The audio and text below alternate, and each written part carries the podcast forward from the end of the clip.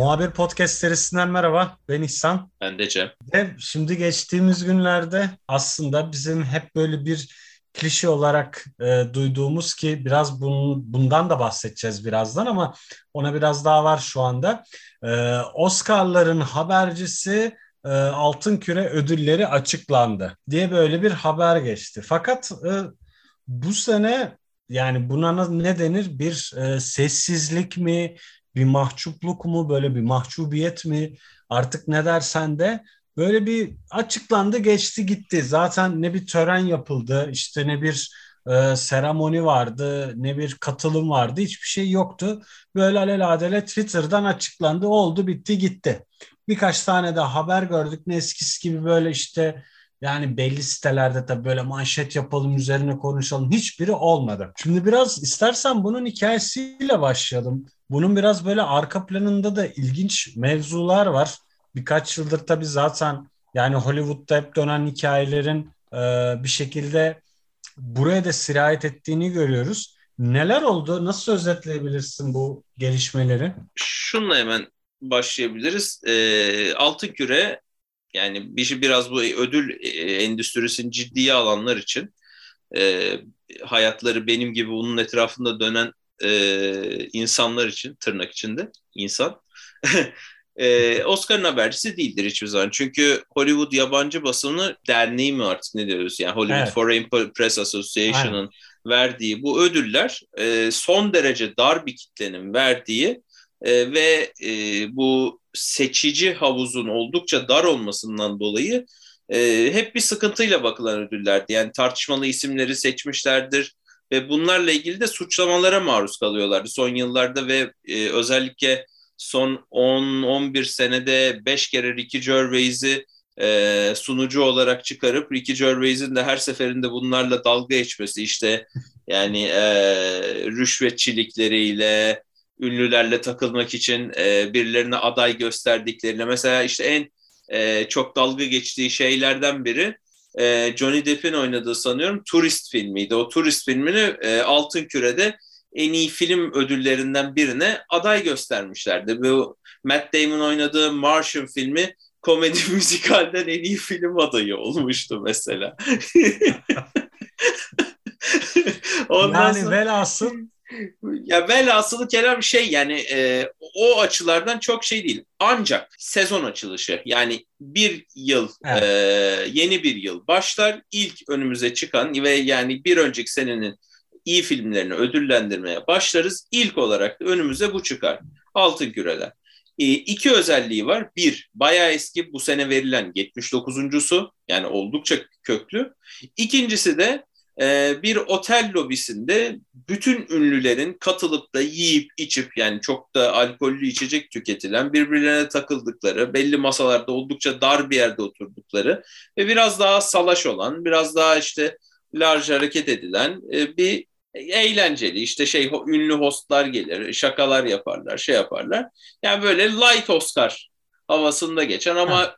şey yani e, ödül açısından bir şey olmayan ama bir eğlencede yer olan NBC'nin yayınladığı Amerika'nın en büyük bilmiyorum şu an üçüncü ya da dördüncü büyük ha. şeyi onlar tarafından yayınlanan bir ödül töreni. Fakat bu sene böyle olmadığını gördük.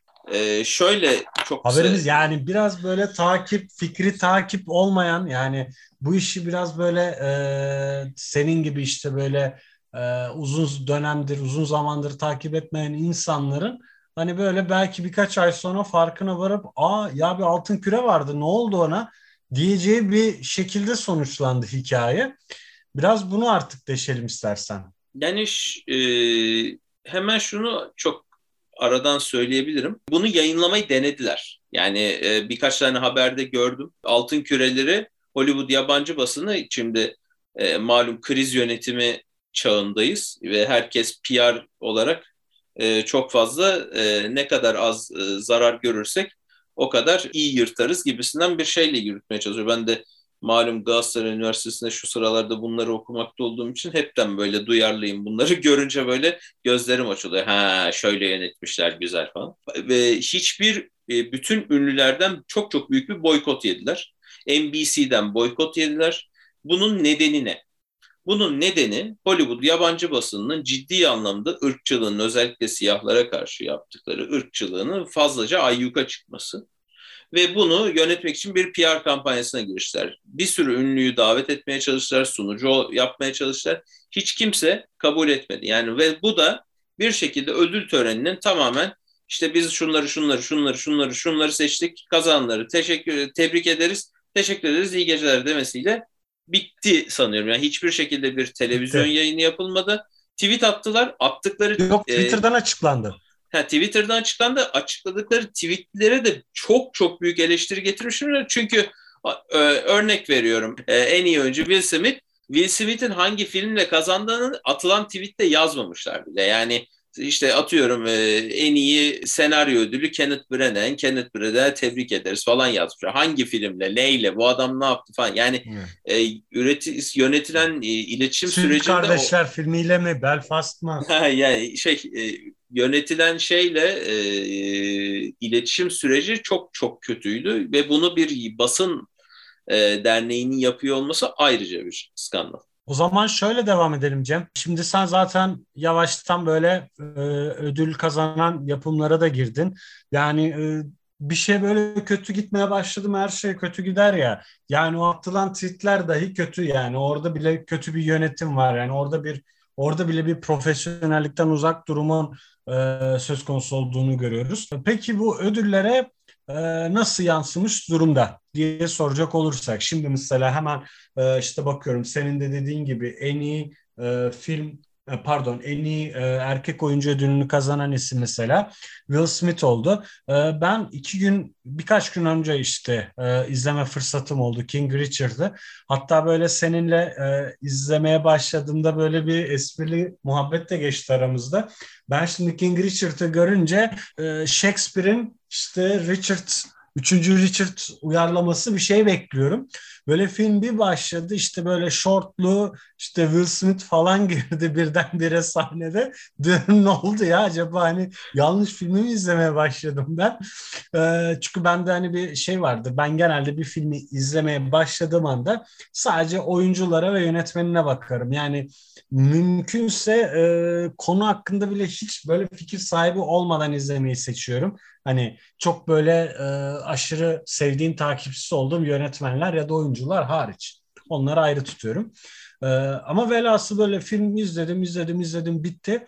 Sana hatta şey dedim ya çok güzel oynamış, muhteşem oynamış. Yani e, kıyaslayabileceğimiz işte ne bileyim Benedict Cumberbatch işte ne bileyim e, başka işte e, sayabiliriz e, ne bileyim yani belki muhtemelen aday olmayacaktır Leonardo DiCaprio, Don't Look vesaire hani e, belki de olacak bilmiyorum ama yani baktığında epey e, bir şey var e, nasıl diyelim e, ben buradayım değiş hali var ki onu da zaten ödülüyle gördük. Bununla başlayalım. İstersen e, sonra sen böyle sıra sıra işte bu en e, önemli diyebileceğimiz ödüller üzerinden konuşmaya bu şekilde değerlendirmeye devam edelim. Yani ilk önce bir kendi fikrimi söyleyeyim. Burada yani Tabii tabii. Şöyle ya şu çok kısa e, bence Oscar'ı Benedict alacak. Altın Küre'yi Will Smith'e vermeyi tercih ettiler. Bu genelde hani bizdeki Oscar yayınlarında işte şöyle politik nedenlerden dolayı şuna verdiler falan gibi. O açıdan söylemek istemiyorum ama birazcık şey yani Will Smith'in bu arada ben e, performansını çok çok beğendim. En az Benedict Cumberbatch'inki kadar etkileyiciydi.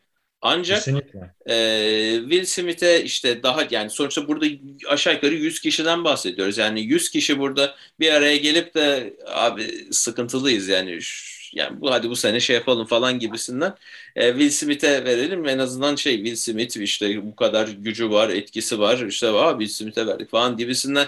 Ya biraz çocukça bu bakış geliyor ama yani e, şu içine düştükleri durum yani tweet bile atamayı atmayı beceremeyen bir kurumun bunu yapmayı düşünmesi bence pekala normal. Ha Will Smith hak etti mi? Net hak etti. Ben de filmi çok beğendim. Film çok güzel bir hikayeyi anlatıyor. Bir şey yani standart bir Oscar filmi gibi bir klişeleştirebiliriz yani bir biopic ama yani bunu olabilecek en güzel şekilde anlatıyor ve içindeki bulunduğu durum yani benim mesela en çok beğendiğim sahne bir Venus Williams bir e, bir televizyon röportajı verirken muhabir üst üste aynı soruyu sorduğunda babanın gelip müdahale etme sahnesi bence çok çok etkileyici. Çok çok güzel bir sahneydi ve bir şekilde yani o tek bir sahnede hem e, medyanın bakışını hem e, o üst üste o ya spor medyası medyanın bir kıza bakışı, medyanın siyahi bir kıza bakışı, babanın onu korunması ve her şeyin ne kadar farkında olması ve Will Smith'in o sahneyi muazzam şeyi. Bence yani o sahnedeki özellikle performansı benim için baya etkileyici olmuştu. Onun dışında istiyorsan diğer şeye geçelim. Yani evet yavaş yavaş onlar. Bu arada filmin hikayesinden de kısaca istersen değinelim. Yani Venus Williams ve Serena Williams'ın babalarının e, üzerinden Çizdiği hikayelerini, yolda. gençliklerini yani hatta işte böyle ilk gençlik yıllarını anlatan bir yapım. Hatta böyle enteresan yani böyle tuhaf hislere kapıldım. İşte ne bileyim Jennifer Capriati var, Pete Sampras var. Hani böyle e, böyle işte 90'larda yani bizim böyle çocukluk döneminde işte böyle ne bileyim haberleri işte spor bültenlerini falan hatırlamaya böyle idrak etmeye başladığımız dönemde karşımıza çıkan dünyanın en önemli raketleri. Yani o isimleri böyle tekrardan işitmek ya da işte bir rol olarak görmek değişik hoş bir duyguydu. Ee, en iyi filmle devam edelim istersen. Power of the Dog kazandı. En iyi altın küreyi o şey aldı. Yani zaten iki büyük aday vardı. Biri Belfast ve şey.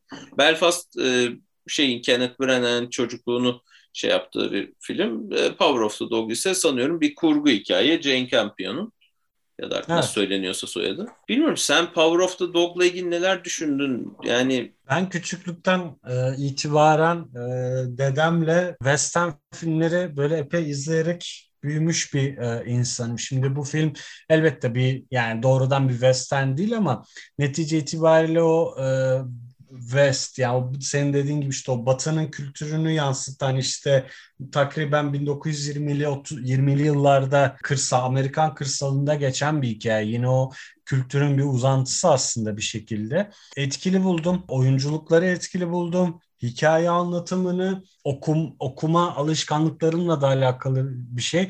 İşin sosyolojik boyutuna daha çok odaklandım. Ama bunu şu anda e, şey yapmak istemiyorum. Bu podcast'i daha fazla uzatmamak adına çünkü dediğim gibi zaten muhtemelen başlı başına bir podcast yapacağız. Orada böyle daha detaylı e, konuşuruz. Hem dönemin dünyası hem dönemin o yöresi hakkında. Komedi müzikalde de Spielberg'in remake'i West Side Story kazandı. Onu da çıksa da izledik, izlesek diye. Ve West Side Story'nin orijinalini izledin mi? Yani çok önce. Altın Küre'de bir de şöyle bir şey var. Yani o kadar çok branş var ki yani şimdi tek tek böyle hani e, türlere göre bir de böyle dallanıp budaklanıyor ya böyle biraz şeyi uzun sürer e, diziye de e, değinmemiz gerekecek diye düşünüyorum. O yüzden hani böyle genel manada işte dram en iyi kadın ondan sonra yönetmenle falan devam edip belki biraz senaryo ve senin e, çok özel ilginin olduğunu bildiğim soundtracklere de böyle biraz e, bir parantez açmak istiyorum çünkü. Yani benim e, yani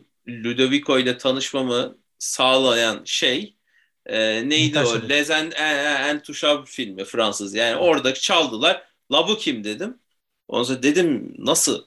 Ha, o şey çok iyiymiş. Orada tanıştık yani sonra adam ilk Türkiye'ye geldiğinde koştur koştur birlikte var Beraber hatırlıyorsun. Aynen öyle birlikte. Işte. PSM'nin evet. açılış konseri değil miydi zaten? Evet doğru. PSM'nin yani, açılış konseriydi. Yani o yüzden şey yani bir filmi soundtrack'ini ne kadar takıyorsun bak nereye kadar vesile olabiliyor. İyidir iyi. Film soundtrack'lerini takmak iyidir.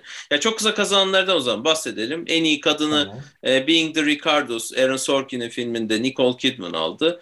Komedi müzikalde Netflix filminde e, bir müzikal uyarlaması Tick Tick Boom'la Andrew Garfield aldı. Eski Spider-Man'lerimizden. E, Actress'te komedi müzikalde West Side Story'nin başrol oyuncusu Rachel Ann Zegler ki bir YouTuber'mış kendisi o aldı. E, Power of balla the Dog... bölüyorum, balla bölüyorum. Ee, dikkat edersen son 2-3 senedir e, yani bu Roma Roma ile başlatabiliriz bunu. Netflix baya baya yani Fox gibi işte ne bileyim e, Warner Bros gibi artık yapımlarıyla farklı farklı branşlarda yani hem oyuncu şeyiyle hem filmin bizatihi kendisiyle e, girmeye başladı yani adaylıklara. İyi filmmaker'a, iyi bir film yapımcısına, iyi bir şey e, alan sağlarsan ve onun kreatif şeyine çok fazla karışmadan vizyonunu yansıtması için gerekli koşulları sağlayınca iyi işler çıkıyor. Netflix bunun ya bunda farklı bir kapı gerçekten açmayı başardı. Yani bunu da birkaç yapımda gördük yani. E, ha tabii şey de var yani bir şekilde her yapımı çok mu iyi oluyor? Hayır. Bazı yapımlar çok iyi oluyor mu? Bazı yapımlar çok iyi oluyor. İşte aynı biz bugün şu anda bu konuşmaya neyle başladık mesela? Hollywood yabancı basınının içinde bulunduğu e, durumun aslında yıllardır devam etmekte olan, belki de kurulduğu günden bu, bu yana devam etmekte olan bazı problemlerin şey artık günümüzde konuşulur olmasıyla ve artık yani e yeter abi siz de bu e, arkaik kafanızdan kurtulun gibisinden bir şeyle. E mesela Netflix bunu nasıl yaptı benzer bir şeyini? Kulüp dizisiyle yaptı. Türkiye'de e, evet zaman zaman belki de konuşulan bir şeyi ama e, çoğu zaman da es geçilen bazı hikayeleri farklı bir anlatım şeyiyle kendi mecrasından sunmayı becerebildi bir şekilde. Ee, çok, ben kulübü izlemedim o yüzden çok detaylı bir yorum yapamayacağım. Henüz izleyemedim ama e, bir şekilde bazı şeyler konuşulur hale geldi mi? Ya böyle şeyler de varmış aa şöyle bir şeyler olmuş e, dendi mi? Dendi. E tamam zaten buradaki amaç da bu. Günümüz yani günün sonunda Netflix bize bir e, eğer bir belgesel değilse bir sanat eseri sunuyor. Biz de bunun üzerine konuşuyoruz, beğeniyoruz, beğenmiyoruz diyoruz. Sanatçı burada böyle bir şeyi yansıtmış diyoruz. Ama bunu bir şekilde o sanatçının orada dev bir emek harcayarak, yüzlerce kişiyi çalıştırarak e, bir şey getirmesi için belli bir finansman gerekiyor. E, o finansmanın da bir karşılığını alabilecek kadar vizyoner bir e, yapı gerekiyor. O açıdan da bir eksiği doldurmuş durumlar. Ben e, gen yani uzun süredir işte e, Netflix yapımlarında yer alan oyuncular ya da yönetmenlerle röportaj yaparken bu bir tesadüf olamaz Hepsinden şu minvalde sözler hep duyuyorum. İşte bize hiç karışmadılar. Senaryo yazımında, işte oyunculuk şeklimizde vesaire falan filan. İşin gerçekten tamamen hep finansal kısmında yer aldılar. Tamam belki biraz e, fazla iyi niyetli. Ya bazı bazı yapımlarda keşke dokunsalarmış diyoruz. o yüzden yani tamam abi siz de fazla geri çekmişsiniz hocam oluyor. Bunu Türkiye Türk Türk yapımları için mi diyorsun? Ee... Türk yapımları için içinde diyorum. Yani geçmişte konuşmuşluğumuz var. Yani Aynen. şey belki yeni yapımlarda belli podcastler onları da söylemek zorunda kalacağız yani. Keşke evet, evet. hocam bir, yani. ama trend böyle iyiye doğru gidiyor. Yani direkt Peki, bu... direkt aklıma gelen örneği söyleyeceğim ya. Aşk 101. sezon. Ya e tabii yani ama şey yani Netflix'in ilk Türkçe yapımlarındaki e, di, konuşma diyaloglarının böyle e, kulaklarımızdan beyinlere giden böyle matkap darbeleri olduğunu herkes biliyor ya. Hakan Muhafız Hakan Muhafız'ın birinci sezonunda açıklayabilirim diye biten sahne var şimdi. Kimse kusura bakmasın ama böyle böyle öğreniliyor bu işler belki de. Ya evet bizde zaten yani diyalog oluşturma kanayan yaramız. Her neyse parantezi kapatıyorum. Kusura bakma çok uzattım.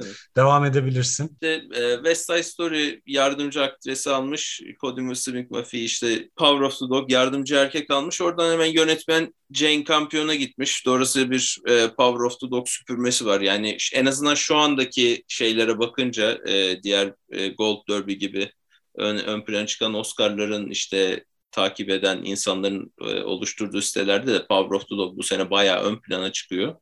Yani dolayısıyla Netflix ilk e, Best Picture'ına doğru bayağı güçlü şekilde gidiyor ama her zaman diyorlar bu işler lobi işi belli olmaz. Belki West Side Story Şubat aylarında güçlü bir hata yani bu Ocak ve Şubat aylarında güçlü bir hata kalkmış gibi duruyor. O yüzden onu takip edeceğiz. En iyi senaryoyu Kenneth Branagh almış. Belfast'ın tek ödülü. Yani Prestijli bir ödül ama.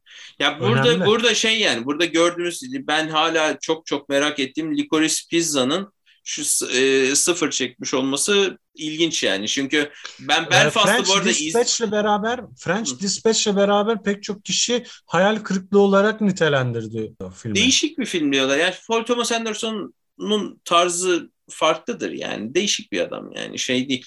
ya ben mesela 6 ayda bir e, There Will Be Blood'ı izlerim. Yani kendime getirir böyle bir ha okey ya derim böyle bir şey. Ya evet böyle bir film var ve biz bunun olduğu bir dünyada yaşıyoruz diye bir kendime gelir. Mesela şeyi izlemiş miydin? Bu Mank filmini. Evet. Mank filminde bir tane e, solcu Amerikalı adam var böyle çıkıp çıkıp konuşmalar yapıyordu. Neydi adamın adı ya? Upton Sinclair, Bill Nye'ın oynadığı. Ha, Upton Sinclair'in o yıl kitabından uyarlama mesela. O çok, çok şeydir yani benim, benim için böyle aa bir şey canlandırmışlar burada falan dediğim böyle neyse şey böyle dalıp bir film konuşmaya başlayınca nereden çıkacağı belli olmuyor. Şey Çok uzatmadan evet. filmleri bitiriyorum. Ee, çok çok şey yabancı filme hemen giriyorum. Drive My Car inanılmaz övülüyor. Ben de buldum, indirdim, izleyeceğim. Be- bekliyoruz. Yani yok abi yani şey sonuçta Türkiye'de şimdi ben gidip de bir film festivaline girmem. Kusura bakmasın. Omikron diye bir gerçek var herkes yani. Bir şekilde ben bunu evimin e, şey kendi bir metrekarelik odamda. Bence ben film bunu... festivali zaten Nisan ayında daha çok yani. Ben anlamam. Oscar'lardan sonra. Ben, Seni ben, götüreceğim ben film festivaline ya, merak etme. İnşallah. İnşallah. İnşallah. Tasma. Neyse Drive My Car aldı. Onu birkaç arkadaşım bayağı önerdi. Ee, en iyi animasyon Encanto neydi? Aman animasyon konuşmayacağız zaten. Şimdi e, Best Original Song e, Billie Eilish'e verdiler. Tabii ki kesin takılmak için seçmişlerdi. Yani Aa, Billie Eilish geri fotoğraf çekti falan diye seçmiştir onu Hollywood yabancı basın. Bak biraz Türk yorumcu havaları yapayım kendime. Ondan sonra Best Original Score Dune. Şimdi ben Dune'u piyanoda bir bölümü çalmaya çalıştım. Abi Hans Zimmer çok iyi şey yapmış. Şimdi burada ben diğer bakıyorum. Şimdi Hans. Zimmer adam mıdır soru. Tam işte Türkiye şey onu konuşmam. Asıl onu konuşmamız gerekiyor falan diyormuş. Yani Dune iyi. Diğerlerine baktım. Yani Johnny Greenwood Power of the Dog okeydi ama yani Dune çok çok büyük bir ses şeyi. Bu sen bir ne? Greenwood hayranısın aynı zamanda. Aynen öyle. Ee, ama şöyle bir gerçek Greenwood'un e, bu Hindistan'ın baya içlerine gidip Şahi Ben Tuzur'la birlikte yaptığı Junun diye bir belgesel Onun bir saatlik şeyini Paul Thomas Anderson hatta galiba Mubi'de var ama çok emin değilim sallıyorum. Junun diye bir belgesel var. Muazzam müzikler. Yani adamlar Hindistan'ın bir tür romanı gibi bir ayrı bir kavim bulmuşlar. Onların yaptığı bir tür orijinal böyle yarı İslami, yarı Budist böyle değişik bir o şeylerden etkilenen birazcık şey yani roman şeyleri de taşıyan göçmen müzikleri etkisi taşıyan şeyler. Neyse Juno'nu tavsiye ederim. Johnny Greenwood da orada hem çalıyor hem şey yapıyor falan organize etmiş. Allah'ın unuttuğu bir yere gitti şeyle gidiyor. Neyse toparlamakla ilgili film bölümünü şunu diyeceğim. Hı hı. Bu sene çok iyi filmler yoktu. Bu sene aman aman bir film izlemedik. Yani Drive My Car'ı bir kenara bırakıyorum. Ee, 2020 yılı bence filmler açısından çok güçlü bir sene olmadı. E, ulan ne izledik ya falan gibisinden böyle bir vuran bir film olmadı. Hala izleyeceğimiz çok daha fazla film var. Tabii daha Oscar'a kadar konuşacağız. Belki şu anda konuştuğumuz filmlerden birinde Oscar akşamında derken abi benim izlediğim son yıllardaki en iyi filmlerden biriydi diyeceğiz ama malum pandemi yıllarındayız ve ne olursa olsun öyle kolay yani bir şey çekmek kolay olmuyor.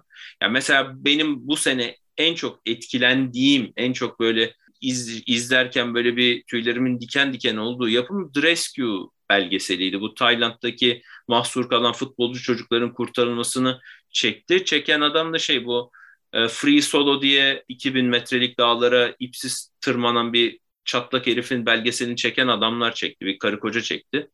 Jimmy ile Elizabeth mi isimleri şu an aklıma gelmedi. Neyse Free Solo'yu çeken adamların bu sene çektiği belgesel diyeyim siz anlayın. The Rescue.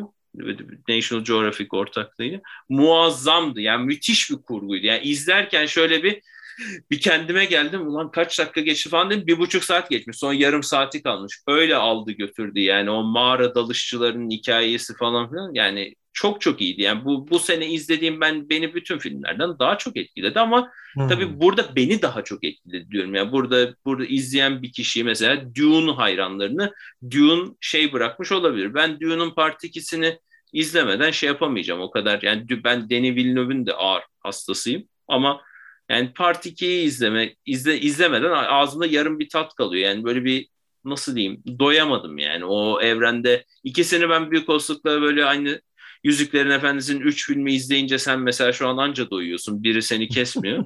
mesela ben de büyük Oscar Dune'un part 1-2 yaptıktan sonra anca kesecek beni onun gibi bir şey. Muhtemelen çünkü zaten daha böyle bir anlamlanmış olacak. Yani böyle o metni e, tam manasıyla bir oturmuş olacak ama ben e, Dune nasıl desem hayranlarıyla e, hayranlarının böyle videolarına, yorumlarına vesaire baktım.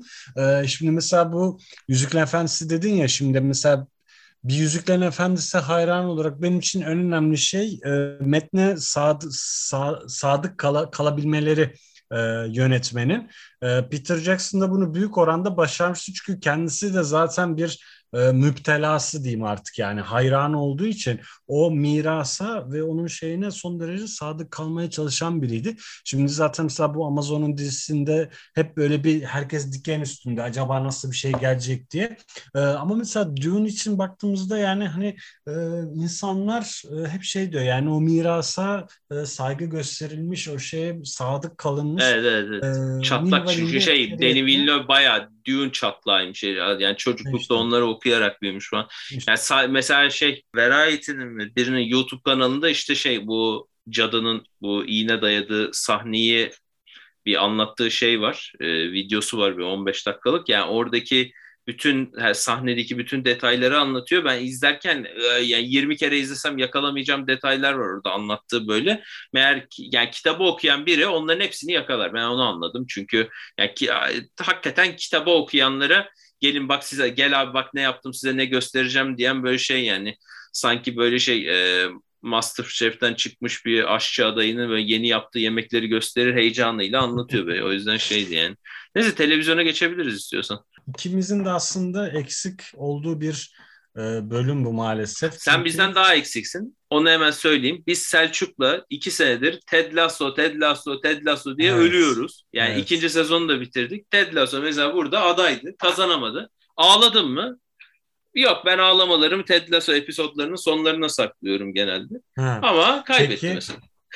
e, dizide Succession e, ben epey e, yani etrafımdaki insanlardan onların Instagram paylaşımlarından işte yeni sezon geldi oley yaşasın vesaire hani böyle çok işte elit muazzam müthiş e, çok oturaklı vesaire gibi böyle yani yorumlar vesaire duydum. Yani sen de izlemedin yanılmıyorsam. Dolayısıyla üstünde yok, çok ben yani bir şey yok ama yok. listemizde var. Ya mesela adaylardan hiçbir bir tek e, Lupin'le Squid Game'i izledik. İşte ben Lupin'in evet. ilk beşlisini beğendim. İkinci beşlisi beni o kadar sarmadı. Ben ilk, ilk beşliyi daha çok beğenmiştim. Ya Squid Game bence fazla uzundu. Sonunda pek beğenmedim. O yüzden çok şey değil yani. E, yani son derken son sahnesini kastediyorum. Orayı beğenmedim. Geri başka detay vermiyorum izlersiniz. Ama şu yani müzikal komedide sadece Ted Lasso'yu izledim. Hex kazanmış. Ee, onu izlemedim ama burada bir e, şey var ki kategori gerçekten benim bu sene izlediğim en etkileyici yapımların olduğu kategori. En iyi mini seri ve televizyon filmleri serisi ki bunların hepsi aşağı yukarı mini seri. Ee, kazanan Underground Railroad olmuş. Moonlight'in yönetmeni e, Barry Jenkins'in çektiği 10 evet. bölümlük Amazon'da Amazon Prime'da yayınlanan yaklaşık 4 aydır falan erteliyorum. Çünkü e, malum hem okul dönemi hem işte Covid geçirdim diğer o Covid'den sonra gribi falan filan derken yani şey kendimi bir türlü ona mental olarak hazır hissetmiyorum ama sürekli duruyor e, soundtracklerini Nicolas Britel yapmış. Onları da ayrıca bir kenara attım. Onları da bekletiyorum. Şey Succession'ı da o yaptı. Underground Railroad e, Amerikan İç Savaşı'na bir dönem dizisi sanıyorum. Ya şimdi izlemedim böyle çok da şey yapmayayım ama orada iki tane diğer yapım var ki ya impeachment çok sıkıcıydı. Kimse kusura burada da ya FX çok para harcadı falan diye aday göstermişler. Nasıl yüzsüz yorumlar bunlar. Dopsick'le Mayor of Easttown'dan değinmek istiyorum. Mayor of Easttown, Case Winstead'in başı çektiği çok çok evet. keyifli bir Philadelphia köyünde geçen çok iyi bir polisiye.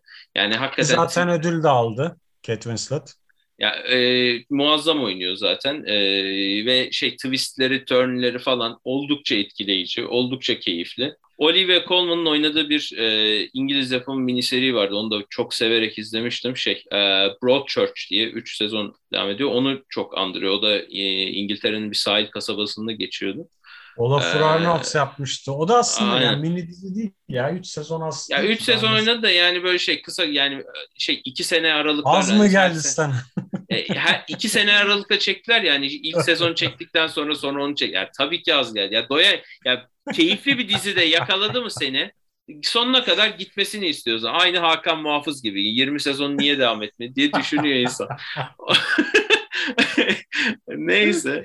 Neydi? Mayor of East'tan öyle. Yani hem kısa hem özel. Yani şey 12 bölüm uzatmamışlardı. Ne bileyim böyle hani bir ara Netflix'in böyle başka hiçbir alternatifi yokken insanlara buyurun bir saatlik 13 bölüm sonuna kadar izleyeceksiniz diye insanlara böyle şey uyuşturucu veri gibi ekran önünde bağımlı yaptığı dizilerden neyse artık vazgeçtiler işte Lupin gibi artık 5-5 atıyorlar falan daha mantıklı çünkü insanların artık o kadar harcayacak vakti yok. Neyse Dopsik e, benim bu sene gerçekten en e, çok keyif aldığım şeylerden biri oldu. Çünkü bir sürü şeyi elementi kombinliyor. Hem tarihi bir dönem hem e, Amerikan firmaların feci yozluğu hem e, kurumların feci derece yozlaşmışlığı ve bunların bütün ihmali ve hırsı sonucunda ölen milyon olduğunu bilmiyorum. Belki yaklaşmıştır. Milyona yakın insan. E, bir ilaç firmasının e, aç gözlü ve bu ilaç firmasının devasa üzerinde oturduğu paradan faydalanmak şey yapan ve Michael, Michael Keaton, Keaton da en iyi oyuncu ödülünü kazandı muazzam zaten oynuyor. O. Aşağı yukarı bütün oyuncuları muazzam oynuyor. Hikaye zaten inanılmaz bir hikaye. Bunun bu arada şey Alex Gibney belgeselci 4 saatlik de Crime of the Century diye belgeselini de çekti. O da sanıyorum HBO'dan çıktı. Onu da oturdum izledim. Bu olay çok acayip çünkü. Dopsik iyi. Dopsik'i izleyin. Herhalde e, böyle ana hatlarıyla bir şekilde konuştuk, e, değerlendirdik. Ağzına sağlık. Yavaş yavaş ben kapatmak istiyorum. Son olarak böyle bir toparlamak için söylemek istediğim bir şeyler varsa onları alalım. Yani ödül ee, ödül törenlerin yani bundan sonra böyle nasıl olur sence? Efendim? Seneye nasıl olur? Yani bu, bu yani... seneki işte ödüllerde e, ne bileyim en iyi yönetmeni işte en iyi yönetmen tercihi, en iyi erkek oyuncu tercihleri vesaire hani e, bir önümüzdeki yıl için göz bu arada hepsinin hak ettiğinin altını çizerek söylüyorum. Önümüzdeki yıl için bir göz kırpmada olarak e, belki e, değerlendirilebilir ve belki de e, eskiye dönüş olur. Yani şöyle burada bunun belirleyicisi NBC olacak. Yani NBC biz bunu televizyondan yayınlıyoruz dedikten sonra diğer herkes sıraya girer. Aa öyle mi? Biz de o zaman oradayız. Çünkü NBC orada bu işin büyük parasını veren firma. Onun NBC'de açık olduğunu söylemiş. Yani şey şu, şimdi şöyle bir durum var.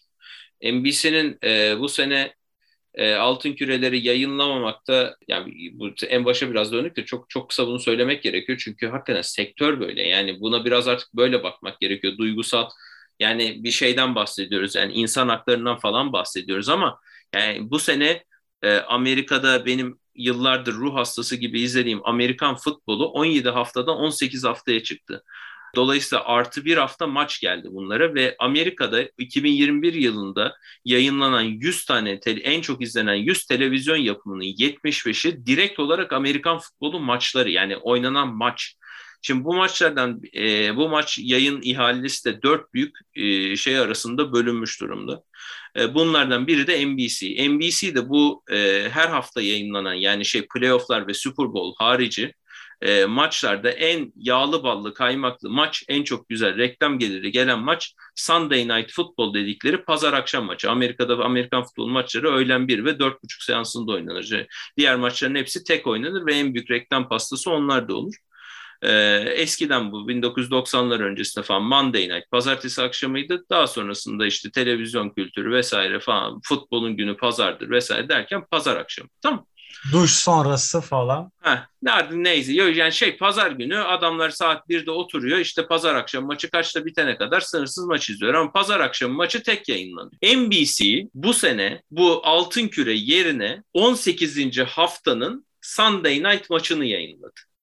Ve çok büyük olasılıkla altın kürelerden kazanacağından daha fazla para kazandı. Hmm. Ee, yani son hafta normal sezon son hafta maçı Dolayısıyla eğer yani bu devam edecek Amerikan futbolunun bu reytingleri en azından devam edecek artık çünkü televizyonların para kazandığı neredeyse tek şey canlı yayınlar oldu. Bütün diziler falan streaminglere kaç, kaçtıktan sonra. O yüzden altın kürelerin kaderi ne olur bilmiyorum. Yani başka bir çare bulurlar. iki hafta sonraya kaydırırlar. Atıyorum Ocak sonrasına, Ocağın ortasına kaydırırlar falan. Bir çözüm bulurlar ona büyük olasılıkla. Ama NBC buna ikna edilmeden altın küreleri bu şekilde yani en azından mevcut yapısında aman aman bir değişiklik yapmadan görmemiz zor. Çünkü NBC'nin karnı tok. Tok tok alıcı. Peki. Teşekkürler Cem. Ee, ben teşekkür yakında ederim. başka bir yayında artık e, zaten konuşacağımız konu çok.